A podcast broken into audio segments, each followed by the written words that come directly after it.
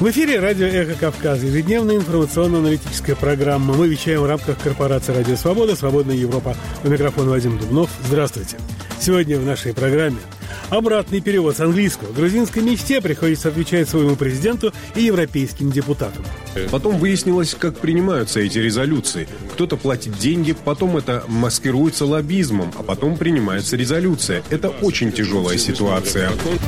Российский бензин снова приказал долго жить европейскому, чего ожидает на грузинском топливном рынке. Но мы очень быстро начали импортировать топливо из европейских стран, поэтому никакого дефицита не было и не будет. Нашему рынку ничего не угрожает. Ядро царь пушки. Запад готовится принять всерьез угрозы Путина. Судя по документам, российские военные также смогут использовать тактическое ядерное оружие для широкого круга целей, включая сдерживание государства от применения агрессии или эскалации военных конфликтов. Все это, а также политическая миграция в Южной Осетии, блокинг Гизаблоте, обзор прессы и многое другое сегодня в прямом эфире и на нашем сайте www.эхокавказа.ком. Начинаем программу с международных новостей, которые с пражской студии расскажет Кети Бочеришвили. Президент России Владимир Путин, выступивший в четверг 29 февраля с посланием Федеральному собранию, начал речь с темы российского вторжения в Украину. Россия сейчас ведет праведную борьбу за свой суверенитет и свою безопасность, подчеркнул Путин. Он также утверждает, что специальную военную операцию поддержало абсолютное большинство россиян. Путин также вновь высказал резкую критику в адрес западных стран. Запад стремится не просто сдержать наше развитие. Вместо России им нужно вымирающее пространство, утверждает российский президент. Одновременно он добавил, что Запад просчитался. Запад продолжает лгать, говорит, что Россия собирается напасть на Европу. Это бред. Заговорили об отправке на Украину натовских контингентов. Но мы помним судьбу тех, кто направлял контингенты. Теперь последствия для интервентов будут куда более трагичны. У нас тоже есть оружие, которое может поражать цели на их территории, сказал Путин. Послании российский президент рассказал о новом вооружении страны. Он пообещал, что скоро Россия продемонстрирует в районах базирования на боевом дежурстве тяжелые баллистические ракеты «Сармат». По словам Путина, в состоянии полной готовности к гарантированному применению находятся стратегические ядерные силы. Все, что сейчас придумывают на Западе и чем пугают мир, все это реально грозит конфликтом с использованием ядерного оружия, заявил Владимир Путин. Он также объявил о запуске с 1 марта кадровой программы «Время героев» для участников войны в Украине. Они, по словам президента, смогут в приоритетном порядке получить образование и специальность в ведущих вузах. Воевавших в Украине Путин назвал настоящей элитой, в противовес, как он выразился, набившим карманы в 1990-х. Порог применения России тактического ядерного оружия в реальности значительно ниже, чем публично заявляли российские официальные лица. К такому выводу пришла британская газета Financial Times. Авторы публикации ссылаются на российские секретные документы, попавшие в руки журналистов издания. Русская служба BBC излагает основные тезисы статьи. Речь идет о 29 секретных военных файлах, составленных в период с 2008 по 2014 год. Это сценарий военных игр игр и комментарии для офицеров военно-морского флота, в которых обсуждается применение ядерного оружия. Согласно сценарию учений, на которых отрабатывалось возможное вторжение Китая, России Россия, Северная Федерация, может ответить тактическим ядерным ударом на вторую волну наступления армии Китая. В презентации для офицеров ВМФ излагается еще больше критериев для потенциального применения ядерного оружия. Среди них высадка противника на территории России, поражение соединений ответственных за охрану границы или неминуемое нападение противника с использованием обычного вооружения. По словам Джека Уотлинга, старшего научного сотрудника Британского Королевского института оборонных исследований, полученные журналистами материалы призваны подготовить российские подразделения к ситуациям, в которых страна может применить ядерное оружие. По его словам, для использования ядерного оружия будет необходимо политическое решение. В Кремле утечку комментировать пока не стали, отмечается в публикации BBC. Силы специальных операций ВСУ в ночь на 29 февраля сообщили о гибели в бою группы своих военных из 73-го морского центра. Обеспечивая отход основных сил группы после выполнения специальной задачи, военные приняли свое последнее сражение, навечно оставшись в строю, говорится в сообщении. Число погибших, а также место их гибели в сообщении не указано. 73-й морской центр – часть специальной разведки сил спецопераций. Его бойцы совместно с другими подразделениями сил обороны и полиции в начале полномасштабного вторжения России не допустили высадку воздушного десанта российской армии на аэродром Кульбакина в Николаеве. Эхо Кавказа. Новости. Европейский парламент внес два изменения в отчет за 2023 год о реализации общей внешней политики и политики безопасности. Они касаются экс-президента Грузии Михаила Саакашвили и планов России построить порт в Ачамчирском районе самопровозглашенной республики Абхазия. Автор поправок – европарламентарий Анна Фатыга. Михаил Саакашвили – личный враг и узник Путина. Мы не можем допустить, чтобы он погиб в тюрьме. Абхазия и Южная Осетия оккупированы Россией и должны вернуться в состав Грузии. Грузии. Сегодня Европейский парламент принял две мои поправки в поддержку Грузии, написала она в соцсети X. Изменение, внесенное в пункт 66, одобряющий предоставление Грузии статуса кандидата, содержит призыв к Соломе Зурабишвили о помиловании Михаила Саакашвили. В Москве сотрудники Центра С задержали главного редактора «Новой газеты» Сергея Соколова. Об этом сообщило само издание. Как говорится в телеграм-канале «Новой», Соколова доставили в полицию для составления административного протокола о дискредитации российской армии. К материалам административного дела приложена экспертиза, проведенная радиочастотным центром. Дело касается одной из публикаций «Новой газеты» и его рассмотрит Петровский суд, но точное время пока неизвестно, отмечает издание. Спасибо. Международные новости нам рассказала Кетти Бочеришвили. Она еще вернется в студию в середине нашей программы рассказать новости Кавказа.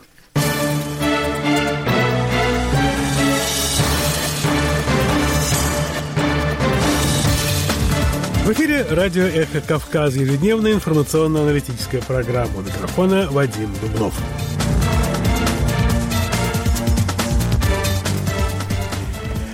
Возобновит ли грузинская мечта после резолюции Европарламента антизападную риторику, стихшую после получения статуса кандидата в Евросоюз. Раздражение партии власти вызвал и призыв евродепутатов к президенту Саламе Зарубишвили помиловать Михаила Саакашвили. Да и сама, находясь в Лондоне, на этот вопрос отвечает весьма неоднозначно. И второй день в своих выступлениях интервью критикует Бедзину Иванишвили. Тему продолжит музей Парисишвили. Well, I think that Saakashvili is not Navalny. Я думаю, что Саакашвили не Навальный, и это сравнение неуместно. Второй день настаивает президент Саломе Зурабишвили, отвечая на вопрос о возможном помиловании Михаила Саакашвили. Сначала в ходе дискуссии в Британском Королевском институте международных отношений Четем Хаус, а потом в интервью BBC в программе Hard Talk. Но он бывший лидер Грузии, уточнила ведущая. Да, согласилась президент, он бывший лидер Грузии. И он в тюрьме за те вещи, которые он сделал, когда он был президентом, а не как политический оппонент.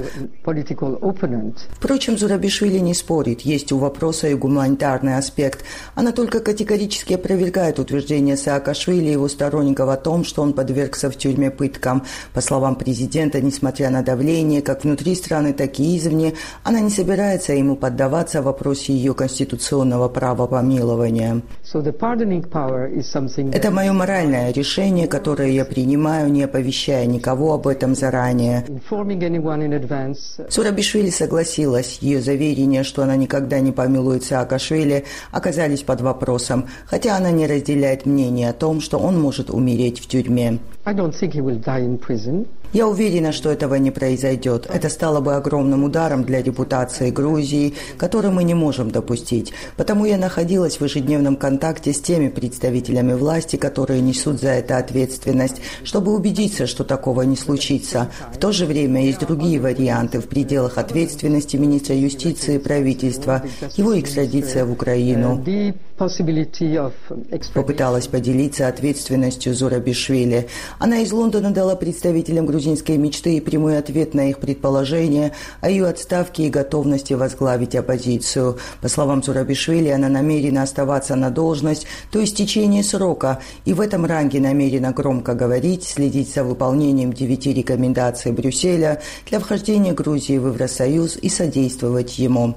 В грузинской мечте, исходя из этих заявлений, сочли, что Зурабишвили готовят возможность помиловать Саакашвили, особенно с учетом совпадения во времени с резолюцией Европарламента. В нее по инициативе европарламентария Анны Фотыги были внесены поправки с призывом к президенту Зурабишвили помиловать Саакашвили из гуманитарных соображений. Михаил Саакашвили – личный враг и узник Путина. Мы не можем допустить, чтобы он погиб в тюрьме. Абхазия и Южная Осетия оккупированные Россией и должны вернуться в состав Грузии. Сегодня Европейский парламент принял две мои поправки в поддержку Грузии, написала Фотыга в соцсети X. Генсек грузинской мечты Каха Каладзе напомнил, что Фатега – личный друг Саакашвили и что вся эта кампания в поддержку экс-президента проплачена. Вспомнил Каладзе резолюцию Европарламента, в которой Иванишвили упомянут как олигарх, которого нужно подвергнуть санкциям. Такие резолюции наносят вред нашим отношениям. Это просто оскорбительно. Мы видели не одну резолюцию, в которых были написаны очень тяжелые, ужасные вещи. Потом выяснилось, как принимаются эти резолюции. Кто-то платит деньги, потом это маскируется лоббизмом, а потом принимается резолюция. Это очень тяжелая ситуация. Депутат «Силы народа» из парламентского большинства Гурам Мачарашвили и вовсе пригрозил президенту, пообещав, что в случае помилования Саакашвили она разделит его судьбу и окажется в той же тюремной клинике в Ивамеде, в котором отбывает срок экс-президент. А спикер парламента Шалва Папуашвили через соцсети в длинном гневном письме ставит вопрос ребром. Для Евросоюза пришло время официально отмежеваться от клеветнических заявлений депутатов Европарламента. Наш вопрос к Европейскому Союзу. Разделяют ли они наши общие ценности или подчиняются узким интересам депутатов Европарламента? Мы считаем, что главное – это наше общее дело – европейская и евроатлантическая интеграция Грузии. Мы должны думать о будущем. Пишет Папуашвили.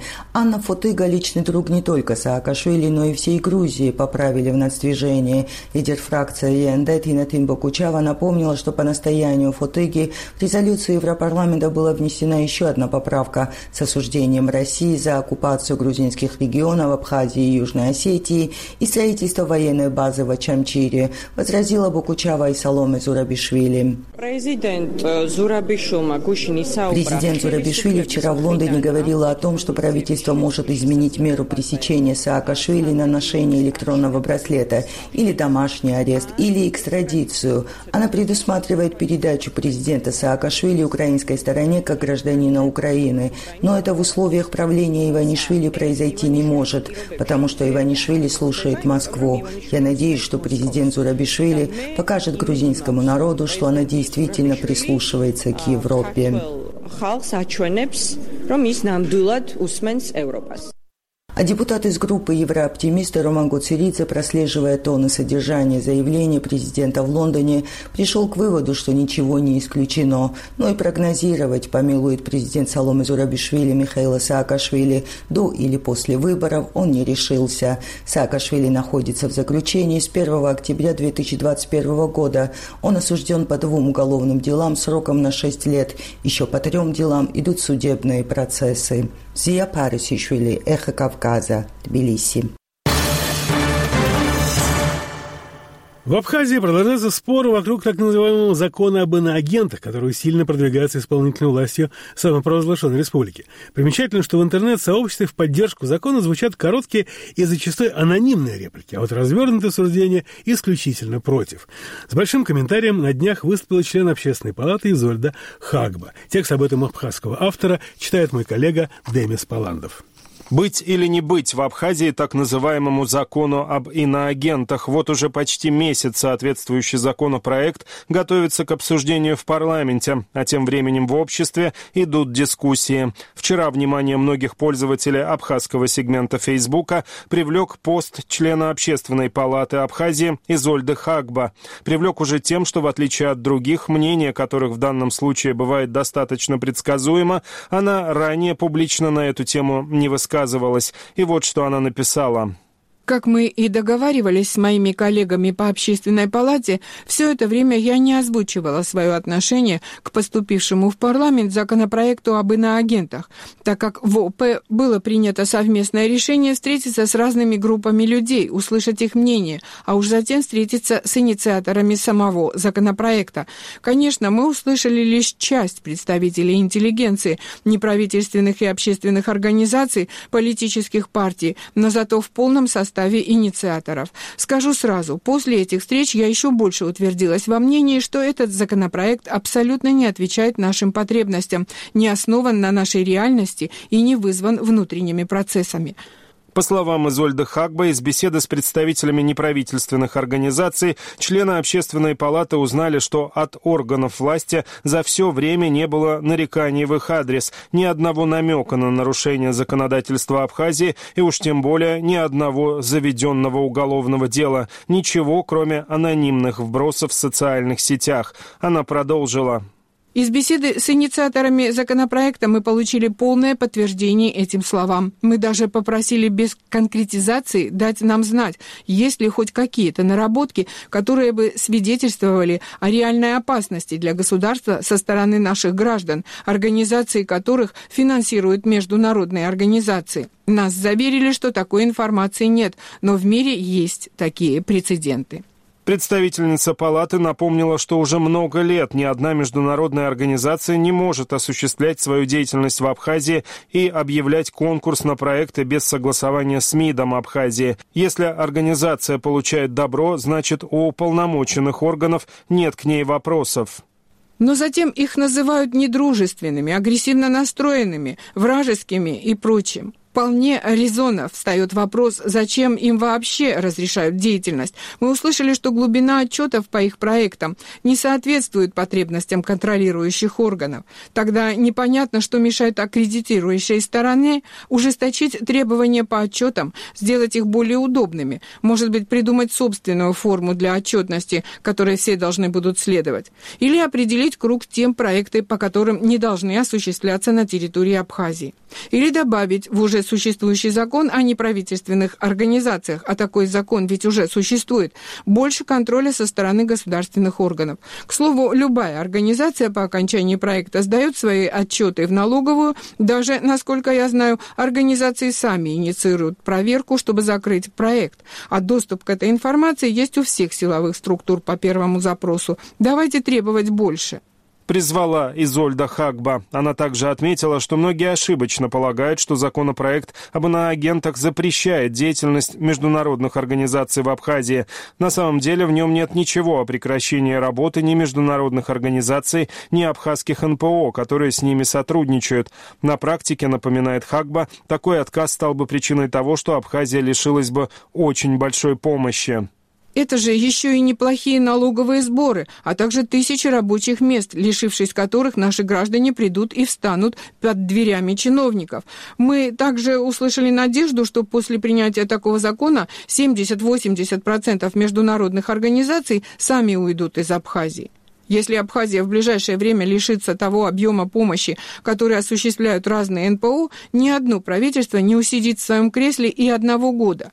Ну, нет сегодня у государства таких возможностей, чтобы покрыть все нужды граждан. И как бы сегодня не принижались результаты этой деятельности, все же правильно было бы помнить и быть благодарными за тысячи хороших проектов, за медицинскую помощь, за ремонты в школах, за оснащение техникой, оборудованием и многим другим. Я езжу по селам и хорошо знаю, что даже при такой помощи их нужды не покрыты и наполовину. И еще, да, я уверена, что враги Абхазии не дремлют. Уверена, что кто-то здесь подпольно пытается и шпионить, и вербовать, и подрывать устои общества, потому что так устроен современный миропорядок. Соседствующие или имеющие интерес страны между собой ведут такую работу. И я считаю, что у наших правоохранительных органов есть все возможности отслеживать эти случаи и принимать меры. Нельзя таким законом ставить под удар своих достойных граждан, принижать их достижения, навешивать им ярлыки, потому что они пострадают, а те, кто подпольно трудится, те и так будут промышлять. Выполнение базовых функций правоохранительных органов по защите нашего государства и суверенитета должно идти параллельно с обычной жизнью, а не поперек. А закон об иноагентах – это закон не про нас, не для нас, но рано или поздно, в зависимости от поставленных кем-то целей, может коснуться каждого из нас. Член общественной палаты отметила, что хорошо понимает тех представителей неправительственных организаций, которые говорят, что в случае принятия такого закона они прекратят свое сотрудничество с международными организациями, так как не могут позволить навесить на себя статус иноагента, как оскорбляющий их честь и достоинство. Текст абхазского автора читал Демис Паландов. В Грузии может подорожать бензин. Страна по-прежнему испытывает топливную зависимость от России, которая вводит с 1 марта запрет на экспорт бензина. Грузинские бизнесмены, занимающиеся импортом топлива, уже имеют опыт работы в таких условиях, и дефицита, по мнению экспертов, не ожидается. Но могут, под, может подняться цена на бензин марки регулярно, 5-7%. Подробности в материале Ираклия Рагвелидзе. Прошлой осенью правительство России уже запрещало экспорт топлива. Тогда причиной стал резкий рост оптовых цен, и доля российского топлива на рынке Грузии снизилась с 80 до 50 процентов. Цены выросли при этом на 15-20 процентов. Импортерам пришлось возвращаться на стабильные, но дорогие европейские рынки. К примеру, компания «Ромпетрол» получает топливо на румынских нефтеперерабатывающих заводах. Импортеры также работают с болгарскими предприятиями предприятиями, которые являются собственностью компании «Лукойл». Компания «Галф» возит топливо из Греции. Напомним, до начала войны в Украине Грузия закупала большую часть топлива у стран Евросоюза, Румынии и Болгарии. Но с 22 года рынок почти полностью переключился на подешевевшее российское топливо. Как объясняли специалисты, в самом начале войны Россия пыталась быть за рубеж запасы топлива, чтобы как-то залатать дыру в бюджете, вызванную западными санкциями. Председатель Союза импортеров экспортеров нефтепродуктор Вахтанг Юбашвили считает, что у Грузии уже есть печальный опыт, и страна оперативно переключится на импорт из многих европейских стран. Запрет, введенный на экспорт бензина из России, окажет на Грузию такое же влияние, как и на другие страны. Помните, Мишустин в прошлом году сделал политическое заявление о том, что если кто-то хочет дешевого российского топлива, он должен вступить в Евразийский союз. Но мы очень быстро начали импортировать топливо из европейских стран, поэтому никакого дефицита не было и не будет. Нашему рынку ничего не угрожает. Цены могут немного измениться, но мы не можем об этом говорить заранее, поскольку не знаем, какими будут закупочные цены. Заявил эксперт. Согласно данным Грустата, в январе этого года Грузия закупила около 100 тысяч тонн нефтепродуктов на сумму 80 миллионов долларов. Более половины пришлось на российское топливо. Кроме России, основными поставщиками топлива в январе были Румыния – 14%, Болгария – 11,5%, Азербайджан – 7,5%. Схожая картина наблюдалась и в прошлом году. Тогда на долю Российской Федерации пришлось половина объема. По данным Грустата, последние два года Россия остается самым дешевым рынком нефтепродуктов для Грузии. Именно благодаря этому фактору повышение цен на бензин неизбежно, считает основатель компании «Сента Петролиум» Заал Якобидзе. Конечно, импорт топлива с российского рынка осуществляется по сниженной цене по сравнению с другими рынками. Формирование цены дополнительно зависит от таких факторов, как изменение цен на международном рынке, а также от того, насколько стабильным будет курс грузинского лари. Если эти два фактора не изменятся, то в этом случае можно предположить, что цена топлива на местном рынке будет меняться в пределах 10-20 тетри. Корректировка цен начнется приблизительно через 10 дней после запрета. Radioprotokoll На рынке Грузии бензин из России представлен в основном маркой «Регуляр», его цена колеблется на уровне 3 лари за литр. По словам экономического аналитика грузинского отделения Transparency International Бесуна Мчавадзе, грузинским компаниям нужно максимально дистанцироваться от проблемного направления. Неожиданное решение российского правительства еще раз демонстрирует, насколько слабо прогнозируем российский рынок. Только благодаря этим запретам грузинские компании не должны сильно зависеть от поставок из Российской Федерации. Даже если отбросить политическую составляющую, чисто не по-деловому иметь дело с людьми, которые в любой момент могут перекрыть канал. Впрочем, по всей видимости, грузинскую мечту эта проблема особенно не волнует. Председатель комитета по процедурным вопросам и регламенту парламента Иракли Кадагишвили говорит, что не видит никаких вызовов. Грузия – страна с открытой экономикой. Она не зависит полностью ни от одного рынка, в том числе от российского. Если Россия по той или иной причине прекратит экспорт тех или иных товаров, у нашего бизнеса будет множество альтернатив по любому из направлений. Импортеры завезут и зерно, и бензин, если Россия запретит их экспортировать. Между тем, похоже, что проблемы с топливом намечаются и у двух самопровозглашенных образований Абхазии и Южной Осетии. Согласно публикациям в российских СМИ, несмотря на то, что временный запрет на экспорт не касался согласованных объемов поставок в Абхазию и Южную Осетию автозаправочные станции Юго-Сет нефтепродукта не функционировали более 10 дней из-за дефицита бензина. С сегодняшнего дня поставки возобновились, и по информации министра экономики Сармата Котаева, отсутствие топлива было связано с тем, что в январе окончательно устанавливались условия контракта с Роснефтью, которая является единственным поставщиком нефтепродуктов. Ранее схожие проблемы наблюдались и в Абхазии, причем причем то время, когда оппозиция выступила против решения российского правительства, согласно которому возить нефтепродукты в Абхазию могут лишь Роснефть и ее бизнес-партнеры.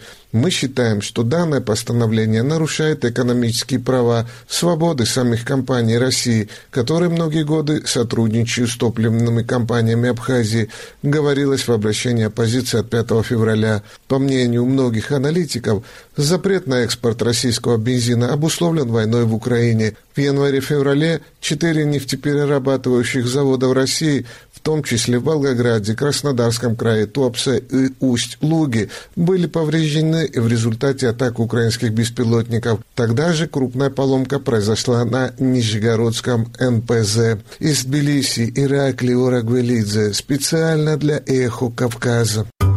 Картинки с выставки.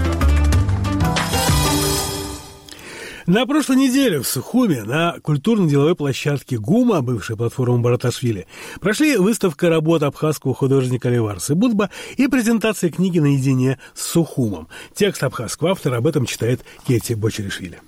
21 февраля, ко дню рождения известного абхазского художника Леварсы Будба, была приурочена выставка его работ, организованная на ГУМе, площадке для выступлений и мероприятий. На ней можно было увидеть 10 живописных полотен художника из частных коллекций и 32 оцифрованные и распечатанные копии его работ, сгоревших во время пожара в здании Национальной картинной галереи.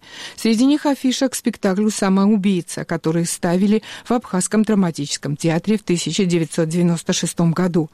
В день открытия выставки Леварсе Будба исполнилось бы 64 года. Он ушел из жизни на пике творчества в 47 лет. Долго боролся со смертельной болезнью, знал, что жизнь его скоро оборвется, но продолжал писать красочные полотна, темой которых был город Сухум. Леварс Будба – член Союза художников Абхазии, выпускник Тбилисской государственной академии художеств, участник выставок в Абхазии и во многих городах России. Его картины есть в частных коллекциях в США, в Германии, Франции, Италии, России, Швейцарии, Турции и Японии. На странице Леварсы Будба в Московской галерее Шазина можно прочитать отзыв искусствоведа Ксении Богемской об его творчестве. Живопись его приносит в мир красоту. Картины Будба сотканы из ярких пятен насыщенного цвета. Из этой мозаики поступают очертания предметного мира. Дома и башни Сухума, кипарисы, фонари, колонны. Пейзаж воспроизводит не фотографии, фотографически точный облик места, а то, как художник воспринимает его своим внутренним взором. Это утопически прекрасный мир, где не бывает ни войн, ни страхов. Такой художник хотел бы видеть свою родину, Абхазию. А 25 февраля на ГУМе писательница Надежда Венедиктова и художник-скульптор Архип Лабахуа презентовали книгу «Наедине с Сухумом». В аннотации в книге говорится о том, что писательница Надежда Венедиктова и скульптор Архип Лабахуа пытаются отрефлексировать взаимовлияние города и человека. Каждый из них исследует городское пространство по-своему. Художник посредством своих скульптур, а писатель вербально и приглашают читателя заглянуть в свою творческую лабораторию. В книге 200 цветных фотографий, художественная летопись современного Сухума и тексты писателя и художника. Надежда Венедиктова опубликовала Сухумский драйв образца 80-х, терраса, одиночество, Бекет Махарши, несколько стихов и эссе «Сухумский концептуальный дворик». Архип Лабахуа представил размышления «Вчера, сегодня, проекты в городе», «Кто я?» и «Завтра, послезавтра, проекты в городе». Архип Лабахуа известен своими шестью скульптурами, размещенными на набережной. Буквально на днях в городе появилась еще одна его работа «Рыбак». Текст абхазского автора читала Кетти Бочеришвили.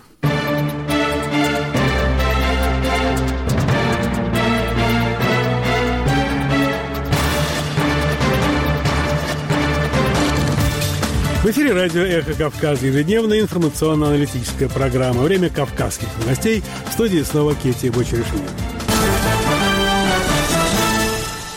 Министр иностранных дел самопровозглашенной республики Абхазия Инал Ардзинба провел встречу с менеджером программы развития ООН в Абхазии Вардоном Худжа. По информации медиа-центра Абхазского МИДа, в ходе встречи состоялся обстоятельный обмен мнениями относительно деятельности ПРООН в Абхазии.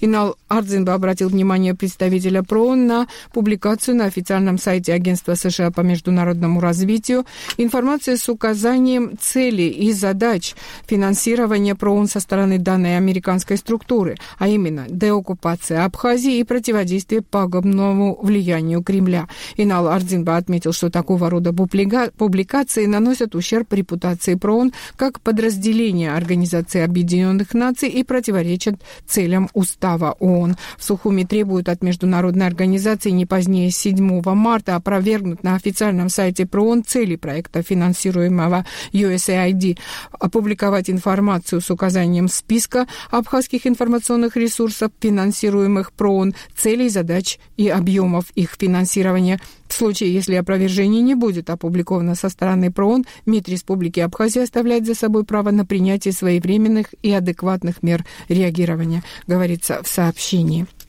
В Зугдиде задержан сотрудник Гальского отдела МВД самопровозглашенной Республики Абхазия, младший лейтенант Давид Квеквескири, фигурант дела о смерти гражданина Грузии Темура Карбая. В МВД Грузии в разговоре с грузинской службой «Радио Свобода» подтвердили информацию о задержании Квеквескири, сообщив, что он арестован по решению суда по статье 236 Уголовного кодекса Грузии «Противоправное приобретение, хранение, ношение огнестрельного оружия». О гибели жителя Гальского района, гражданина Грузии Темура Карбая, стало известно 10 декабря 2023 года. В Тбилиси заявили, что 43-летний гражданин Грузии стал жертвой жестокого избиения со стороны сотрудников Абхазского МВД. По неподтвержденным данным, Квек Вескири в течение нескольких недель скрывался на территории, подконтрольной грузинским властям. Предположительно, после задержания его перевезли в Тбилиси. Власти самопровозглашенной республики Абхазия предлагают гражданам трудоустроиться в Сухумский аэропорт, запустить который планируется при помощи российского инвестора. О наборе сотрудников объявили Министерство просвещения совместно с Министерством энергетики и транспорта. Спасибо. Кавказские новости нам рассказала Кетти Бочеришвили. Эхо Кавказа.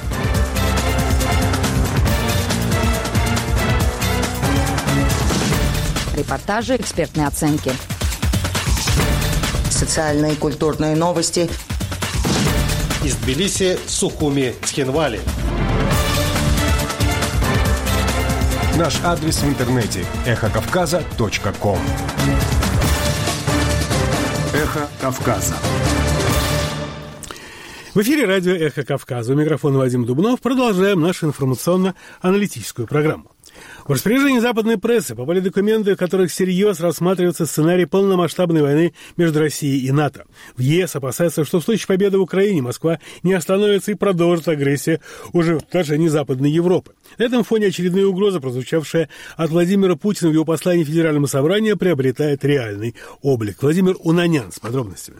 Гипотетический план нападения России на НАТО может начаться с Германии. По данным издания Bild, соответствующий сценарий был представлен правительством страны Бундестагу. Согласно попавшему в германскую прессу документу, сценарий состоит из четырех фаз. Начав с массовой кампании по дезинформации, Москва постарается дестабилизировать либеральные демократические принципы, параллельно организовав кибератаки на объекты критической инфраструктуры. Следующим этапом станет проведение крупных маневров российских войск на границах НАТО, что неизбежно вызовет от ответную реакцию Альянса. А это, со своей стороны, повлечет отток населения с восточных рубежей блока. На этой же стадии в правительстве Германии не исключают акты саботажа на химических предприятиях и атомных реакторах, а также попытки выведения из строя спутников. Третья фаза включает непосредственное нападение России на НАТО. Германия может подвергнуться точечным ударам. Ожидается массовое выведение спутников из строя. На четвертом этапе российские войска, как ожидают в Берлине, прорвутся к самой территории Германии. Бои будут происходить на суше, суше, в море и в воздухе. Возможно развитие глобального конфликта в космосе. Все это, считает в германском правительстве, приведет к фундаментальному изменению ситуации с безопасностью для всей Европы. Не исключается применение российскими войсками биологического, химического и тактического ядерного оружия. Кроме того, авторы считают, что Российская Федерация может применить ядерный электромагнитный импульс, который будет задействован на высоте 50 километров и выведет из строя все электронные устройства. К слову, в своем послании Федеральному собранию 29 февраля президент России России Владимир Путин косвенно подтвердил опасения Берлина, в очередной раз пригрозив Западу ядерным оружием. Необходимо укрепить группировки на западном стратегическом направлении, чтобы нейтрализовать угрозы, связанные с очередным расширением НАТО на восток, втягиванием в альянс Швеции и Финляндии. Заговорили о возможности отправки на Украину натовских военных контингентов. Но мы помним судьбу, а, судьбу тех, кто направлял когда-то свои контингенты на территорию нашей страны. Но теперь последствия для возможных интервентов будут гораздо более трагичными. Действия США и их сателлитов фактически привели к демонтажу системы европейской безопасности. Это порождает риски для всех. У нас тоже есть оружие, да знают об этом. Сейчас только я сказал. Тоже есть оружие, которое может поражать цели на их территории. И что, все они придумывают сейчас, чем пугают весь мир, что все это реально грозит конфликтом с использованием ядерного оружия, а значит уничтожением цивилизации. А ничего этого не понимают, что ли? Примечательно, что в Европе все чаще говорят о сценариях, при которых гипотетическая война с Россией уже не кажется столь нереальной, как еще некоторое время назад. В частности, глава военного комитета НАТО Роб Бауэр ранее заявлял, что силы Альянса должны быть готовы к полномасштабной войне с Россией в ближайшие два десятилетия. Схожее мнение высказывают официальные лица Швеции, Норвегии, Великобритании и той же Германии. Сейчас Берлин активно продвигает идею увеличения поставок оружия Украине за счет замороженных в Европе российских активов. Аналитики не исключают, что таким образом власти Германии пытаются не допустить поражения ВСУ и, как следствие, переориентации агрессии Москвы на страны Западной Европы. Das Signal nach Moskau ist ja auch, dass wir uns als Europäische Union hier einig sind. Сигнал для Москвы заключается в том, что мы, Европейский Союз, согласны с тем, что мы хотим использовать активы из замороженных российских активов для поддержки Украины. Это дополнительная возможность финансовой политики оказать давление на Россию. Заявил министр финансов Германии Кристиан Линдер. При этом, согласно попавшим в распоряжение британского издания Financial Times документам, Россия уже довольно давно всерьез рассматривает варианты применения тактического ядерного оружия в случае, если ситуация на фронте будет складываться для нее неудачно. Речь идет о 29 секретных военных файлах, составленных в период с 2008 по 2014 год. Согласно просочившейся информации, порог применения Москвой тактического ядерного оружия в реальности значительно ниже, чем это транслируется на официальном уровне. Так, согласно данным Financial Times, порогом может стать совокупность факторов, когда потери, понесенные российскими войсками, необратимо приведут к их неспособности остановить масштабную агрессию противника. Есть и другие потенциальные условия. Другие потенциальные условия включают уничтожение 20% российских подводных лодок с баллистическими ракетами, 30% ударных атомных подводных лодок, трех или более крейсеров, трех аэродромов или одновременный удар по основным и резервным береговым командным центрам. Судя по документам, российские военные также смогут использовать тактическое ядерное оружие для широкого круга целей, включая сдерживание государств от применения агрессии или эскалации военных конфликтов, остановку агрессии, предотвращение проигрыша российскими войсками войсками сражений или потери территории, а также повышение эффективности российского флота пишет Financial Times. Аналитики отмечают, опасность заключается в том, что опубликованные британским изданием материалы призваны не составить свод правил для применения ядерного оружия, а подготовить российские подразделения к ситуациям, когда Москва может отдать приказ на его применение. В Кремле утечку комментировать пока не стали, однако в своем послании Федеральному собранию президент Путин недвусмысленно дал понять, что готов на радикальные шаги в случае угрозы поражения России или дестабилизации его режима. Россия готова к диалогу с Соединенными Штатами Америки по вопросам стратегической стабильности. Но вот что хотел бы подчеркнуть, уважаемые коллеги, чтобы меня все правильно поняли. В данном случае мы имеем дело с государством, чьи правящие круги предпринимают против нас открытые враждебные действия. Ну и что? Они на полном серьезе собираются обсуждать с нами вопросы стратегической стабильности, одновременно пытаясь нанести России, как они сами говорят, стратегическое поражение на поле боя. Политическая система России – одна из опор суверенитета страны. Будем и дальше развивать институты демократии. Никому не позволим вмешиваться в наши внутренние дела. Так называемый Запад с его колониальными повадками, привычка разжигать по всему миру национальные конфликты стремится не просто сдержать наше развитие.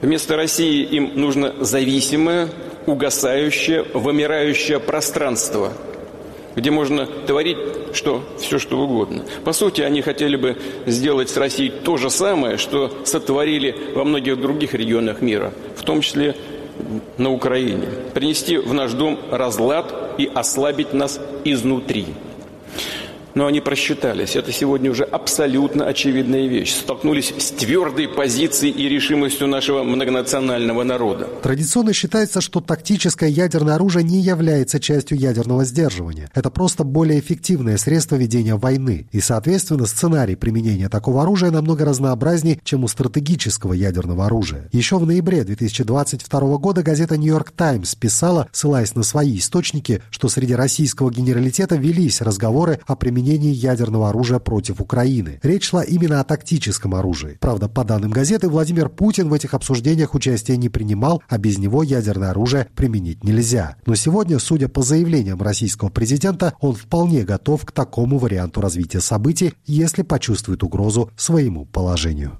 Владимир Унанянц для «Эхо Кавказа», Тбилиси. В Южной Осетии обсуждают переход первого вице-спикера парламента самопровозглашенной республики Петра Гасиева из политического лагеря Анатолия Бибила к его главному оппоненту со времен президентских выборов 2011 года Дзамбалату Тидееву. Это первый подобный случай в политической жизни Южной Осетии. Текст автора об этом из Южной Осетии читает Демис Паландов. Бывший спикер Юго-Осетинского парламента Петр Гасиев покидает Единую Осетию, в которой он занимал должность председателя Центрального комитета партии. Гасиев не просто уходит из партии, он переходит в стан своего главного политического оппонента Анатолия Бибилова. По данным телеграм-канала САПа, Гасиев примкнул к политическому движению «Патриоты» Алании, фактическим лидером которого обозначил себя бывший тренер сборной России по вольной борьбе и депутат Североосетинского парламента Дзамб Булат Тедеев. Впрочем, как сообщили САПи в предвыборном штабе патриотов Алании, Гасиев пока не написал заявление на вступление в партию. Депутат от «Единой Осетии», глава парламентского комитета по национальной политике, культуре, религии и СМИ Алан Таддаев в разговоре с САПой отметил, что решение Гасиева не имеет никакого значения для партии. Партия как живой организм. Люди приходят, уходят, постоянное движение, сказал он.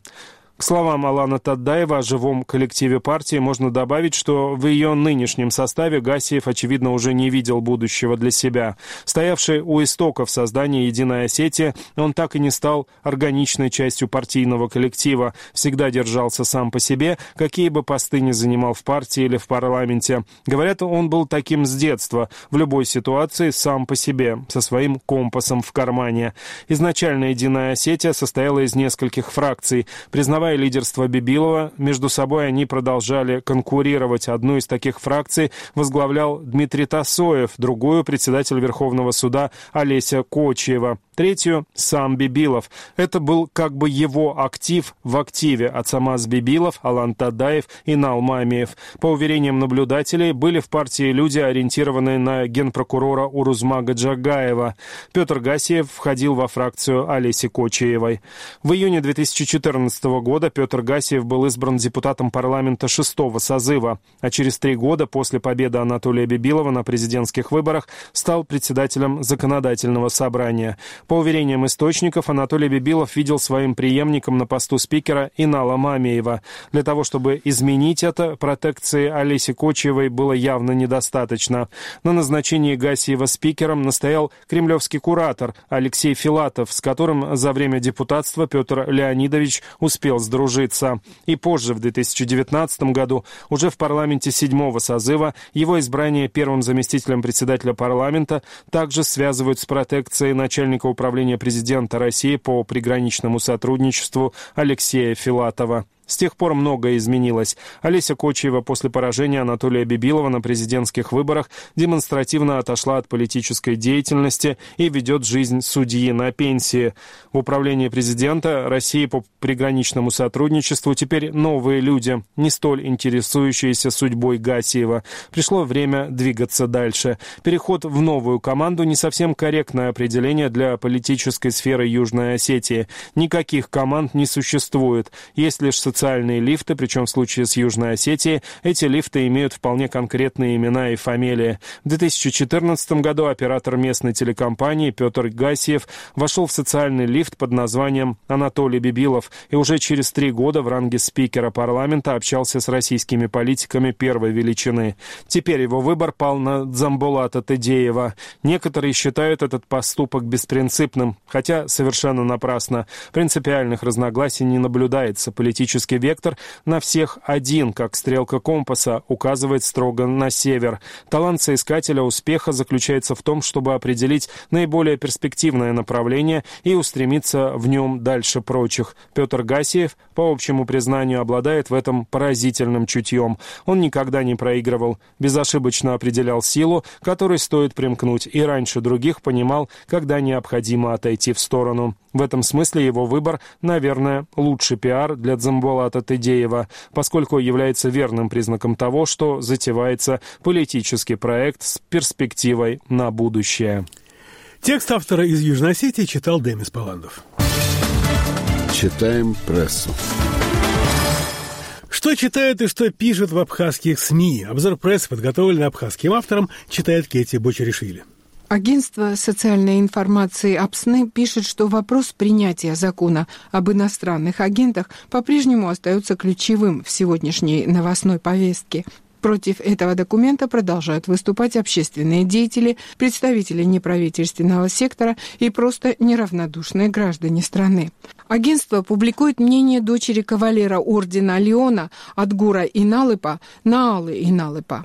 Одна из высших и фундаментальных ценностей нашего народа – это ценность свободы. Свободы не в смысле вседозволенности, а в смысле свободы духа, свободы мысли, свободы слова, свободы выбора и ответственности за них. Умение вести диалог деликатно, аргументированно, с уважением к оппоненту, терпеливо, соблюдая все законы народной дипломатии, которыми абхазы хорошо владели, было одним из главных достоинств. События, происходящие в нашем обществе, обществе последнее время не могут не беспокоить. Чем руководствуются люди, которые ратуют за принятие закона об иноагентах в нашей стране? Ведь они абхазы. Как они сами себе объясняют это стремление и как не понимают, что наступают тем самым на то, что всегда было жизненно важным, основополагающим для нашего народа? На то, что формировало нас как народ и то, что помогало нам сохраняться как этносу. А может, эти люди забыли или вовсе не знали, за что наш многострадальный народ боролся на протяжении почти всей своей истории. Может, они не знали, что он боролся за свободу, за возможность свободно говорить на своем языке, за возможность свободно писать о своей истории, за возможность свободно доносить свою позицию, за свободу своей земли. Репрессии, доносы, аресты, казни, пытки, страх и ужас. Забыли? Мы ведь все это уже проходили. Мы ведь так от этого пострадали. Нас ведь каждый раз отбрасывало назад с колоссальными потерями. Важно об этом не забывать. Важно, чтобы никогда не повторить. Принятие закона об иноагентах недопустимо в нашей стране. Нала. И Налыпа считает, что все манипуляции, подмена понятий, пропаганда, клевета и дезинформация направлены на то, чтобы запугать общество, заставить молчать тех, кто критикует, кто с чем-то не согласен, кто мешает и кто неудобен, лишить людей возможности участвовать в жизни своей страны. Общественный деятель Дмитрий Гварамия на своей странице в сети Facebook высказал мнение по поводу послания президента России Владимира Путина Федеральному собранию. Слушая сегодня послание лидера России, который говорил о будущем своей нации, ее возрождении, погруженного в проблемы простых учителей, вплоть до отдельного поручения повышения оплаты за классное руководство, пришел к мысли, что по-хорошему завидую нашему соседу, как заскучали мы, когда нам не ставят таких амбициозных и важных задач и пытаются свести все интересы народа к простым потребностям. Наверное, время пришло переосмыслить пройденный путь. Большое видится издалека. И действительно, у нас есть фундаментальные завоевания и успехи. В свое время мы показали, что умеем успешно противостоять как экономическому, так и политическому давлению, что можем добиваться значительных результатов в крайне сложных условиях. Определенно сделано уже немало, и даже если сильно стараться, трудно разрушить эти завоевания. Навязываемая идеология беспомощности народа не смогла прижиться и уже дает совершенно обратный эффект, нежели тот, на который рассчитывали создатели. Острое ощущение того, что мы на пороге важного этапа, что нужно сделать небольшое усилие, и мы выйдем из общего состояния оцепенения. И тогда нет цели и задачи, что будет недостижимо для абхазского народа. Директор благотворительного центра «Мы вместе» Милана Аджба на своей странице в сети Facebook написала пост, посвященный проблеме, с которой сталкиваются люди с ограниченными возможностями здоровья. По ее словам, технические средства реабилитации играют огромную роль в повседневной жизни людей с ОВЗ. Именно поэтому вопрос освобождения от налогообложения при ввозе технических средств для реабилитации, колясок, костылей и так далее в республике стоит стоит особенно остро.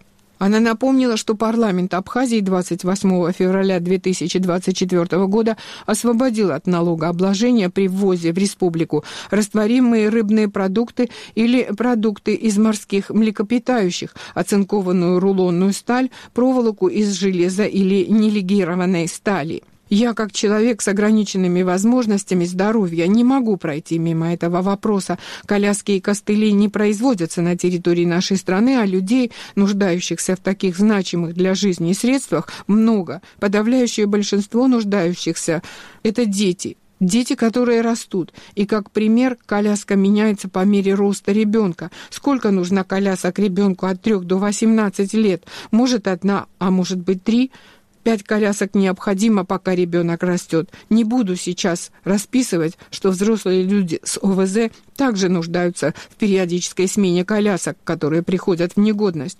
Коляска – это не просто средство реабилитации. Коляска – это социализация. Это возможность участвовать в жизни абхазского общества и нести пользу. Однако, когда планируется освобождение от налогообложения при ввозе технических средств реабилитации, неизвестно – Помогите нам, людям с ОВЗ, обратить внимание на необходимость освобождения от налогообложения при ввозе технических средств реабилитации в Абхазию, написала Милана Аджба.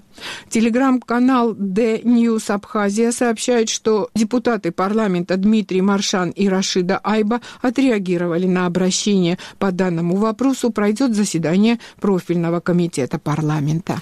Обзор прессы, подготовленный абхазским автором, читала Кети Бочеришвили. Китайский для начинающих. Понаблюдав за бессмысленностью западных попыток помочь Украине, наш блогер вынужден признать, единственная сила, которая может спасти Грузию от России, это Пекин.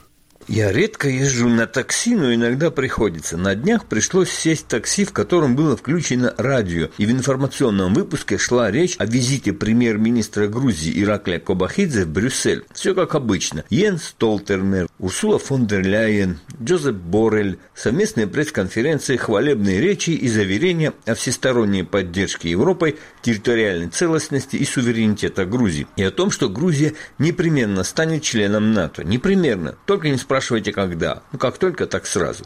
В общем, все как обычно. Кроме одного, впервые в жизни, впервые за долгие 35 лет участия в журналистике и политике я почувствовал непреодолимый скептицизм в отношении всех этих структур западного мира и желание отмахнуться. А, снова болтают без толку. Конечно, только наивные могли воспринимать дипломатические речи всерьез, но скептицизм в отношении евроинтеграции вообще это что-то новое. И этому есть свои объяснения. Война в Украине хоронит внешнеполитический вес Запада слова европейских и американских чиновников перестают иметь какое-либо значение. А все эти пафосные организации вроде НАТО и структуры помельче, типа Европарламента и Совета Европы, превратились в тыкву, которой не верит никто. Для твердого и убежденного западника, которым, несмотря ни на что, является ваш покорный слуга, это нечто совсем новое.